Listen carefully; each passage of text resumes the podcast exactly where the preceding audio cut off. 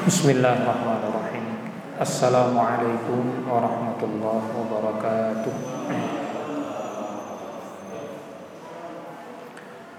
Alhamdulillahi rabbil alamin. Wassalatu wassalamu ala ashrafil anbiya'i wal mursalin.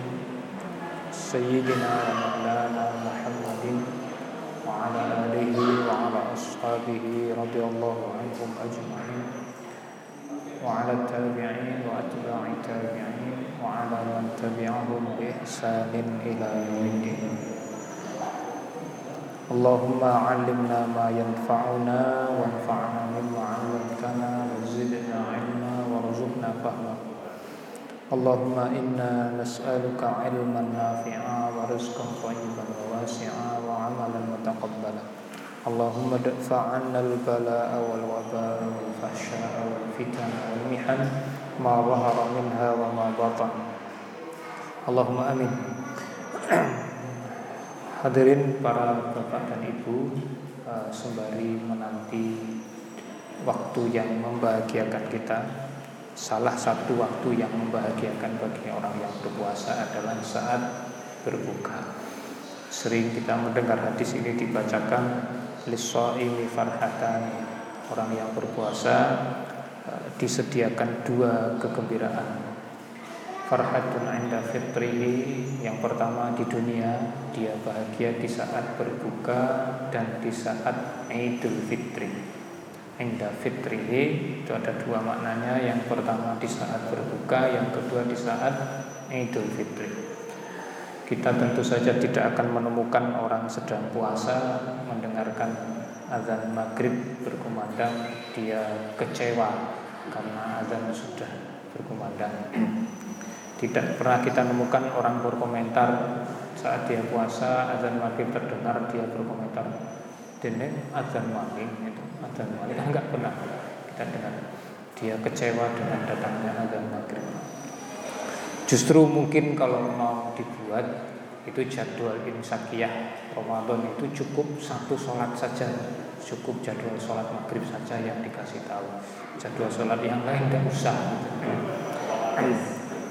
Karena yang diperlukan kayaknya cuma cuma yang itu. Nanti nanti nanti yang ditunggu-tunggu cuma jadwal sholatnya itu. Allah alam gini mau Pak. Itu yang sering kepake yang mana dengan sering lihat jadwal isakiyah itu untuk melihat jadwal sholat apa seringnya ya mesti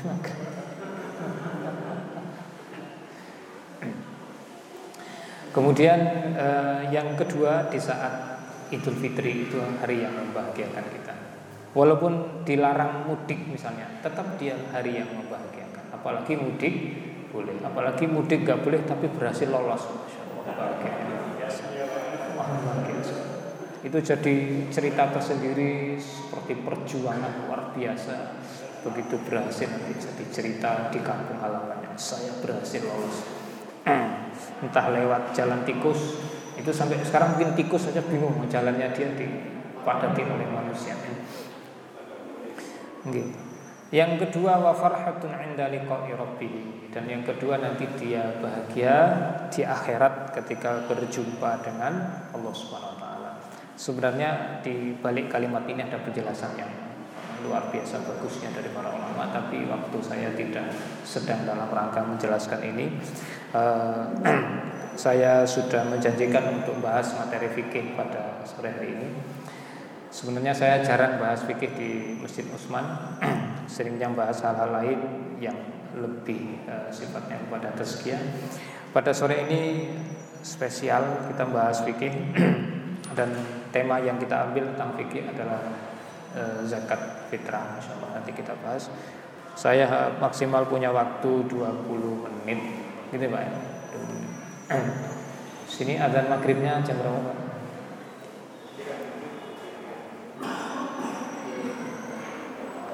Dengan waktu sholat yang paling hafal itu waktu sholat apa? Maghrib kan? Lewat 30 7 apa 36 Oke. Ada waktu kurang lebih sekitar 20 menit Kita manfaatkan dengan baik. Nanti kalau ada diskusi tanya jawab Sangat terbuka. Saya bisa terangkan sedikit dulu tentang ketentuan zakat fitrah. E, dengan kalimat sederhana dari para ulama. Ini masih kalimat sederhana ya, belum menjelaskan detail tentang zakat fitrah. E, sebenarnya sih saya pengen penjenengan langsung tanya saja biar pas temanya sesuai dengan yang diinginkan. Tapi saya tetap akan bacakan rumus sederhana tentang zakat fitrah. Bismillahirrahmanirrahim. Wa tajibu zakatul fitri bi thalathati asya. Saya tidak bahas definisi definisi zakat, definisi fitri atau fitrah saya lewatkan. Uh, mungkin kita lebih butuh penjelasan teknisnya daripada definisinya. Kecuali nanti ada yang menanyakan tentang definisi. Kenapa kok namanya bisa zakat fitri? Kenapa juga bisa disebut zakat fitrah? Kenapa ada dua nama, zakat fitri dan zakat fitrah? zakat fitrah atau zakat fitri diwajibkan karena tiga hal. Bahasa lainnya adalah syarat wajib zakat fitrah. Mengapa zakat fitrah itu menjadi wajib? Penyebabnya ada tiga. Yang pertama al-Islam, beragama Islam. Yang kedua wa bi ghurubi syamsi min akhir yaumin min syahri Ramadan. Yang kedua karena matahari terbenam di akhir bulan Ramadan. Yang ketiga wa wujudil fadli an qutihi wa quti iyalihi fi dzalikal yaum. Eh, di akhir Ramadan itu dia punya kelebihan bahan makanan pokok untuk dirinya dan untuk keluarganya. Ada kelebihannya. Jadi penyebab zakat fitrah itu menjadi wajib yang pertama beragama Islam, artinya orang mus, orang bukan muslim atau non muslim atau orang kafir tidak wajib mengeluarkan zakat fitrah, juga dikeluarkan zakat fitrah atas nama dirinya itu tidak wajib. Yang kedua karena matahari terbenam di akhir bulan Ramadan. Ini penjelasannya seperti apa nanti saya terangkan. Yang ketiga eh, punya kelebihan harta, punya kelebihan harta, artinya memang mampu, mampu. untuk yang pertama dan ketiga kita mudah untuk memahaminya karena satu beragama Islam, yang ketiga punya harta atau mampu itu kan mudah kita paham. Nah kalimat yang kedua ini tadi karena matahari terbenam pada akhir bulan Ramadan. Itu kalimat memang harus dijelaskan. Kalau tidak nanti membuat kita jadi salah paham. Kenapa salah paham? Biasanya kita mengumpulkan zakat fitrah mulai kapan? Ini masjid mulai mengumumkan pengumpulan zakat fitrah mulai kapan? Mulai 10 hari yang terakhir ini kan sudah mulai ya? sudah mulai banyak yang berdatangan, berdatangan nampaknya. Uh, padahal matahari terbenam akhir Ramadannya masih masih nanti kan, masih tiga hari lagi atau dua hari lagi paling cepat. Kenapa kok sudah dikumpulkan sejak jauh-jauh hari sebelumnya, dua hari, tiga hari atau lima hari sebelumnya? Padahal wajibnya itu kan kalimatnya tadi wajibnya karena matahari terbenam di akhir Ramadan. Nah kalimat ini kalau tidak dijelaskan itu nanti menimbulkan kesalahpahaman. Nah, kalimat ini fungsinya begini Bapak Ibu, maksudnya nih. Kalau orang itu muslim dan punya harta dan dia masih hidup sampai akhir Ramadan menemui matahari terbenam maka dialah yang wajib mengeluarkan atau dikeluarkan zakat fitrahnya itu maksudnya jadi bukan bukan waktu mengeluarkan zakatnya, bukan. Yang sedang dibahas adalah orang-orang yang wajib mengeluarkan zakat fitrah. Untuk waktu mengeluarkan bisa sejak awal Ramadan sudah boleh mengeluarkan zakat fitrah itu sejak hari pertama Ramadan. Walaupun jelas kurang efektif, lebih efektif nanti 2-3 hari menjelang menjelang Idul Fitri. Kenapa kurang efektif dari awal? Karena zakat fitrah atau zakat fitri berkaitan erat dengan Idul Fitri. Idul Fitri. Itu ada kaitan erat sekali karena menggunakan dua kata yang sama. Zakatul Fitri dan Idul Fitri menggunakan dua kata yang sama, kata al-fitru. Berarti dia punya kaitan. Kalau diberikan dari awal Ramadan, mbok nanti tidak bertahan sampai Idul Fitri. Hmm, karena uh, zakat fitrah atau zakat fitri untuk kepentingan Idul Fitri. Hmm.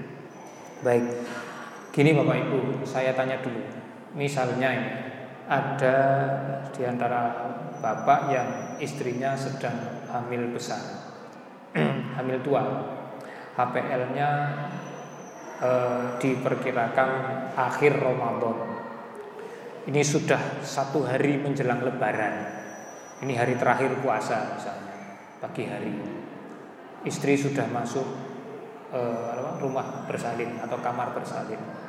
Ternyata bidan ngasih tahu sudah bukaan empat pagi, pagi. Padahal besok mau Lebaran. Maka si calon ayah ini, bukan calon ayah, si ayah ini, si suami ini akan mikir, ini janin saya ini sudah wajib dikeluarkan zakat fitrahnya atau belum? Itu penentuannya apa? Penentuannya nanti maghrib. Nanti maghrib. Bayi ini lahir nggak sebelum maghrib? Kalau dia lahirnya sebelum maghrib pada asar sudah lahir atau jam 5 dia sudah lahir berarti dia wajib dikeluarkan zakat fitrahnya karena mesti nanti dia berjumpa dengan matahari terbenam. Maksudnya saat matahari terbenam dia sudah hidup kira-kira begitu. Sudah keluar ke permukaan bumi. Nah kalau ternyata si bayi ini lahirnya pada maghrib jam 6 dia baru lahir Padahal tadi maghribnya jam setengah 6 lewat sedikit tadi Berarti si bayi tidak wajib dikeluarkan zakat fitrahnya Kenapa? Karena di saat matahari terbenam dia belum belum hidup atau belum lahir. Ya hidupnya sih sudah sejak perut, tapi maksudnya belum keluar ke ke dunia itu maksudnya. Hmm. Begitu pula sebaliknya. Kalau tadi orang hidup, sekarang orang mati. Kalau ada di antara anggota keluarga kita atau anggota keluarga orang yang mau mengeluarkan zakat fitrah, ternyata anggota keluarganya eh, meninggal dunia pada asar jam 5 sore di hari terakhir Ramadan. Ini keluarga kita yang meninggal dunia pada asar di hari terakhir Ramadan. Wajib nggak dikeluarkan zakat fitrahnya? Wajib nggak? Gimana? Wajib nggak? Jawabannya tidak. Kok enggak? Lo nanti matahari terbenam dia sudah nggak ada. Di saat matahari terbenam, orangnya sudah tidak ada, sudah tidak hidup lagi. Nah kalau meninggalnya habis taraweh, eh habis taraweh, eh, saat apa takbiran, takbiran keliling-keliling, eh tapi boleh nggak sih takbiran keliling? Nggak boleh. Yes, pokoknya itu. Nah, habis isya pulang ke rumah tiduran meninggal. Malam lebaran meninggalnya. Ini wajib gak dikeluarkan zakat fitrahnya? Wajib karena tadi saat matahari terbenam dia masih hidup. Itu pak maksudnya. Jadi uh, bukan uh, bukan waktu penyerahannya sebenarnya yang dibahas tapi tapi yang dibahas adalah syarat wajibnya. Nah kita nyerahkannya dua tiga hari sebelumnya. Kita kan bisa perkirakan ini anggota keluarga saya yang sekiranya nanti masih hidup sampai matahari terbenam akhir Ramadan kita kan bisa perkirakan maka sudah kita tunaikan duluan. Kalau ternyata nanti ada yang kadung wafat duluan, ya nggak ada masalah, sudah ditunaikan. Terus wafat apa nanti mau ditarik lagi zakat fitrahnya? Ini keluarga saya ternyata meninggal, saya tarik yang 3 kilo udah mau cuma 3 kilo Atau ada seorang bapak yang saking ragunya mungkin dia nggak paham ilmunya gitu. Nah, istrinya mau lahiran di akhir Ramadan eh, karena dia ragu ini anaknya lahirnya jam berapa akhirnya sejak dua hari yang lalu sudah dia tunaikan zakat fitrah atas nama bayinya yang belum lahir itu. Padahal ternyata lahirnya malam lebaran takbiran. Aslinya dia tidak wajib dikeluarkan zakat fitrah. Tapi tidak ada masalah kalau dia tunaikan walaupun itu tidak wajib. Gitu nggih jadi yang dibahas adalah syarat wajib kenapa zakat fitrah itu menjadi wajib. Kita lanjut. Ini Pak pendapat umum yang dipakai di Indonesia yang e, berasal dari para ulama Syafi'iyah. Adapun nanti pendapat di mazhab Hanafi berbeda. Para ulama mazhab Hanafi menetapkan waktu wajibnya itu adalah terbit fajar di pagi hari lebaran. Terbit fajar bukan terbenam matahari. Tapi ada kesamaannya. Kesamaannya adalah sama-sama sudah masuk hari lebaran. Gini terbenam matahari malam takbiran itu sudah lebaran bukan? Sudah satu sawal belum? Sudah. Sama-sama itu patokannya, sama-sama hari lebaran, hari Idul Fitri. Ya kenapa? Karena zakat fitri berkaitan dengan Idul Fitri. Itu kaitannya. Kemudian berikutnya, ini uh, permasalahan yang kadang di negeri kita suka salah paham. Wa yuzakki an nafsihi wa amman talzamuhu nafaqatuhu minal muslimina sa'an min quti baladihi. Kalimat ini, kalimat an quti baladihi. Uh, orang yang sudah memenuhi tiga syarat tadi berarti dia wajib mengeluarkan zakat fitrahnya dan uh, atas dirinya dan atas orang yang di bawah tanggungan dia nafkahnya ya istrinya ya anak-anaknya atau siapa pun yang nanti di bawah tanggungan dia berupa apa eh, yang beragama Islam ya yang beragama Islam karena syaratnya tiga tadi. Eh, orang-orang yang beragama Islam yang di bawah tanggungan dia. Berapa kadarnya? Satu sok. Satu sok itu eh, ada perbedaan pendapat kalangan ulama. Kalau di mazhab Hanafi satu sok itu sekitar hampir sekitar 4 literan. 4 liter kalau diwujudkan beras itu sekitar 3,8 kilo atau 4 kilo dibulatkan kalau di mazhab syafi'i satu sok itu sekitar 2,8 liter atau kalau diwujudkan beras itu sekitar dua setengah kilogram. Nah, kalau sekarang dibulatkan jadi 3 kilogram. Kok bisa beda? Iya, beda takaran. Itu ada khilafiahnya nanti. Di mazhab Syafi'i satu sok itu 5 liter seperempat dari liter Baghdad. E, kemudian di mazhab Hanafi 8 liter Baghdad. Ini memang ukurannya beda. Itu nanti ada argumentasinya masing-masing. Nah, kita tinggal pakai yang umum di negeri kita saja. Jadi sok itu ukuran volume Bapak Ibu bukan ukuran berat. Aslinya dia adalah volume bukan berat. Seperti literan untuk minyak tanah. Biasanya kalau saya nyampaikan materi zakat fitrah, saya bawa takaran. Tapi ini takaran yang milik saya itu dipinjam orang sejak dua tahun yang lalu itu belum kembali. Ya.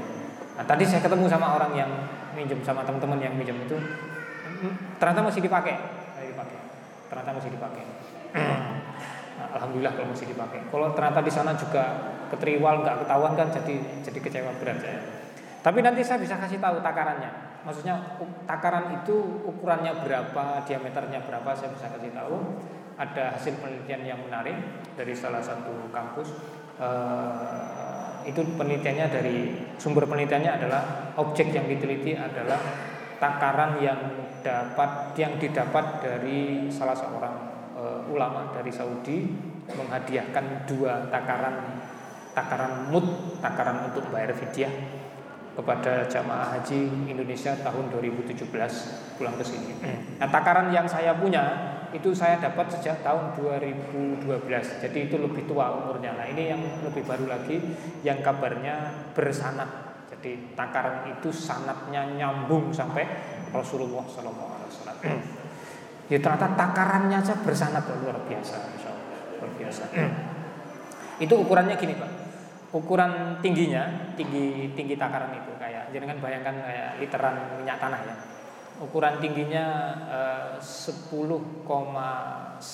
cm ukuran diameter atasnya atau mulutnya 9,9 cm diameter alasnya itu 11,9 cm itu bisa dibikin sendiri.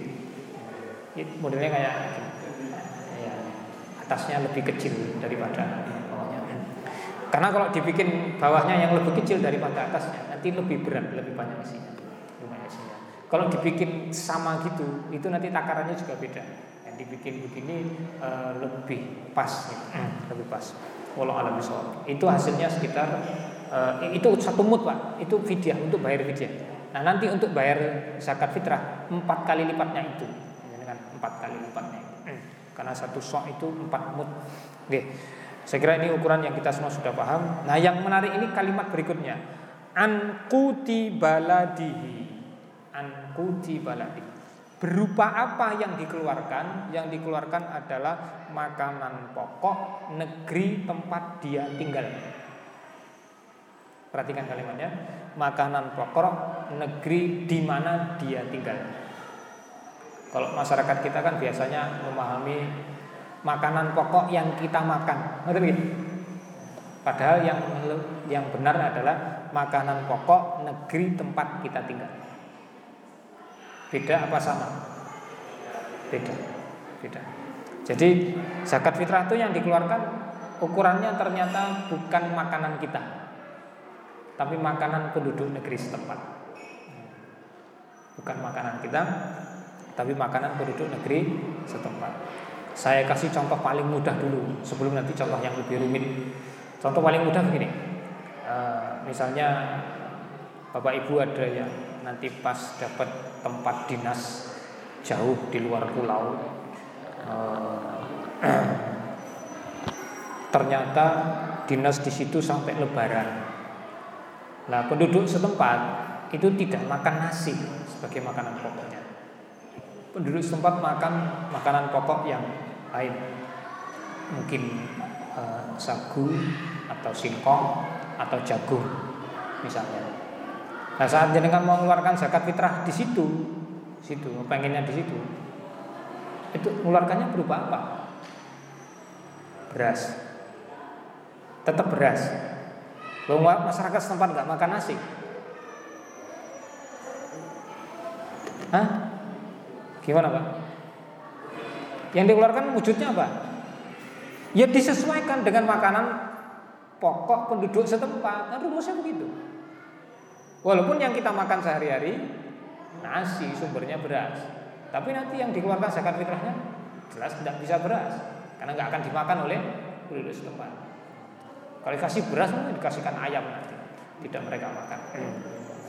Yang tidak tidak kesampaian maksudnya. Itu maksudnya Pak. Atau mungkin begini, ada uh, kaum muslimin dari Arab datang ke Indonesia karena ingin mengunjungi keluarganya di sini, sudah lama nggak jumpa dan pengen lebaran di sini. dan pengen bayarkan zakat fitrahnya di sini juga di Indonesia. Itu orang Arab yang datang ke Indonesia ini tadi mengeluarkan zakat fitrahnya berupa apa? Yang dia makan apa yang dimakan oleh penduduk setempat? Dia makannya apa? Mereka biasanya makan apa di sana? Gandum, udah dibikin roti gitu, gitu. atau ada yang konsumsi korma. Apa nanti mereka mengeluarkannya di sini berupa gandum? Enggak, enggak. Ya terus gimana? Ya tetap tetap beras masyarakat setempat ini yang di Pulau Jawa misalnya. Ya rata-rata makannya nasi gitu. Oke, ini contoh sederhana Pak. Jadi mari kita perbaiki kalau ada di antara kita yang keliru memahami. Sekarang saya kasih contoh yang lebih rumit. Eh, Bapak Ibu ada yang konsumsi sehari-harinya beras merah? Ada. Ada yang pakai beras merah. Patung pakai beras merah. Masya Allah. Hmm. Itu nanti mengeluarkan zakat fitrahnya berupa apa?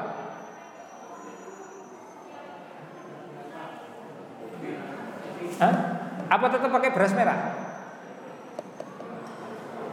Tidak semua masyarakat kita itu doyan beras merah. Entah rasanya, entah e, teksturnya, entah bagaimana. Terus yang dikeluarkan apa nanti? Rumusnya disesuaikan dengan keumuman masyarakat. Masyarakat umumnya makan beras apa? Terutama fakir miskin yang akan kita beri. Mereka umumnya makan apa? Nanti tetap dikeluarkan berupa beras merah diberikan fakir miskin. Dia nggak doyan terus gimana? Ya paling digeletakkan atau nanti dia jual lagi. Nanti dibelikan ke IR. Kalau beras merah belikan IR dapat empat kali lipat tuh ya. Apa berapa harganya empat kali lipat atau tiga kali lipat lebih mahal. Ya untung pakai miskinnya memang. Nah, kalau dikasihkan beras merah. Kalau dijual lagi dan ada yang mau beli, loh kalau nggak ada yang mau beli, yang mau beli Pak, Pak Atung dijual ke Pak Atung lagi. Nah, mending saya kasih duit aja kemarin ya Pak nggak usah dikasih beras merah. Hmm. ya, jadi rumusnya itu yang dikeluarkan adalah makanan pokok an kuti min kuti baladihi. Jadi makanan pokok penduduk setempat. Ini kalimat kesepakatan para ulama. Hmm. Jadi uh, bukan apa yang kita makan, kita yang kita makan belum tentu orang lain doyan. Hmm. Oke. Okay. Uh, sebagai penutup waktu saya tinggal tiga menit pak. Ada yang mau tanya nggak pak? Kalau enggak saya yang nanya. Mana yang lebih afdol? Ini pertanyaannya mana yang lebih afdol? Dikeluarkan bentuk beras atau bentuk uang? Mana yang lebih afdol?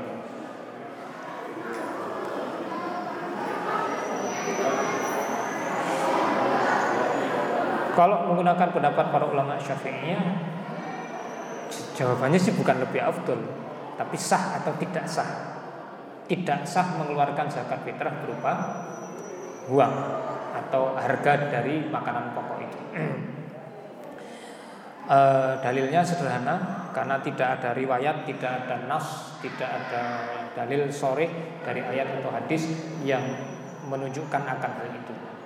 Tapi pendapat di madhab Hanafi mereka mengatakan lebih afdol berupa berupa uang atau berupa harga harga dari makanan pokok yang akan kita tunaikan zakat fitrahnya dengan alasan e, karena kalau diberi uang lebih leluasa, lebih fleksibel si fakir miskin ini bisa memanfaatkan untuk hal lain yang lebih dia butuhkan demi kepentingan hari raya. Siapa tahu nanti dia sudah tidak butuh beras karena di rumah banyak beras. Apalagi kondisi sedang pandemi, e, mungkin dari sana sini banyak yang ngantari, mengantarkan beras misalnya. Maka di rumah semuanya sudah ada tumpukan beras puluhan kilo. Dikasih beras lagi, nambah lagi. Dia bingung ini lauknya apa misalnya. Ini makannya pakai apa? Atau gasnya habis. Ini pendapat di mata Hanafi. Jadi terus gimana Ustaz pakai yang mana? saya menyarankan sesuaikan dengan kondisi kita hari ini. Tidak mesti harus pakai satu pendapat terlalu kaku dalam menggunakan pendapat itu ketika ternyata manfaatnya tidak begitu banyak yang didapat. Jadi sesuaikan. E, sah saja kita menyesuaikan itu. Oh ternyata hari ini kondisi sekarang masyarakat kita yang fakir miskin lebih butuh uang daripada beras, ya monggo lebih afdol yang uang. Sebentar. Tapi kalau masyarakat miskin itu kalau dikasih uang nanti malah diselewengkan untuk yang bukan makanan, eh, maksudnya bukan keperluan Idul Fitri dan tidak sesuai syariat, ya sebaiknya jangan berupa uang, lebih bagus berupa makanan. Sudah azan, gimana? Monggo.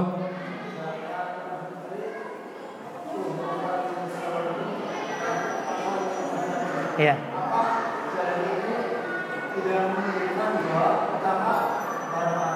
Oke. Okay. Ya, saya sebenarnya kurang berminat membacakan dalilnya karena kalau dibacakan dalilnya memancing kita untuk uh, berdebat. Saya sudah menyampaikan kesimpulan akhirnya. Kesimpulan akhirnya seperti tadi di mazhab Maliki, Syafi'i, Hambali disepakati tidak sah zakat fitrah berupa harga dari makanan itu. Dalilnya salah satunya itu dan masih ada beberapa dalil yang lain. Tapi di mata Hanafi cara berpikirnya berbeda. Yang diambil adalah substansinya, bukan teksnya. Substansinya adalah ini untuk kepentingan fakir miskin pada hari raya. Tidak mesti di hari raya dia butuh apa tadi Pak? Makan atau beras. Bisa saja dia butuh pakaian, bisa saja dia butuh lauk pauknya. Jadi uh, ini saya hadirkan dua pendapat ini bukan dalam rangka ngajak menjenengan beradu argumen, wah, bukan pada tempatnya. Karena ini urusannya para ulama, kita orang awam tinggal ngamalkan saja dan memang kita tidak boleh fanatik kepada satu uh, mazhab itu memang hal yang terlarang. Saya sendiri bermadhab Syafi'i. Saya sendiri bermadhab Syafi'i. Tapi untuk kondisi-kondisi tertentu mau tidak mau memang harus bermanuver karena ternyata ini pendapat kurang pas untuk diterapkan dalam kondisi itu atau dalam situasi tersebut. Betul nih Pak. Jadi dalam hal ini saya ulangi lagi ini kondisi sedang pandemi, banyak orang yang e, bisa saja di rumahnya sudah bertumpuk-tumpuk beras. Dikasih beras lagi, bu, nanti dia bingung ini gimana masaknya. Mau dimakan pakai apa misalnya? Apa makan nasi tok nggak pakai apa itu? Nggak pakai lauk misalnya. Walau alam bisa. Jadi monggo nanti jangan rembukan saja. Kalau pas misalnya ada yang ngasih beras ya disalurkan ke rumah beras. Kalau ada yang tiba-tiba ngasih uang, nanti ditimbang betul ini mau disalurkan berupa uang atau mau diwujudkan beras sesuaikan dengan yang akan menerimanya itu. Dia lebih butuh beras atau lebih butuh uang, kira begitu. Kalau rokok itu kira-kira makanan pokok bukan? Rokok itu, udut itu kira-kira makanan pokok bukan? Iya, ini kalau fakir miskinnya perokok berat ya jangan dikasih duit gitu. Jadi dia lebih butuh rokok daripada berasa kan repot. Begitu hadirin semoga berfaedah bermanfaat. Mudah-mudahan uh, puasa kita hari ini dan hari-hari yang lalu diterima oleh Allah Subhanahu wa taala. Semoga kita termasuk yang diampuni segala dosanya, dibebaskan dari api neraka oleh Allah Subhanahu wa taala. Allahumma amin. Subhana rabbika rabbil amma yasifun. Wassalamun ala warahmatullahi wabarakatuh.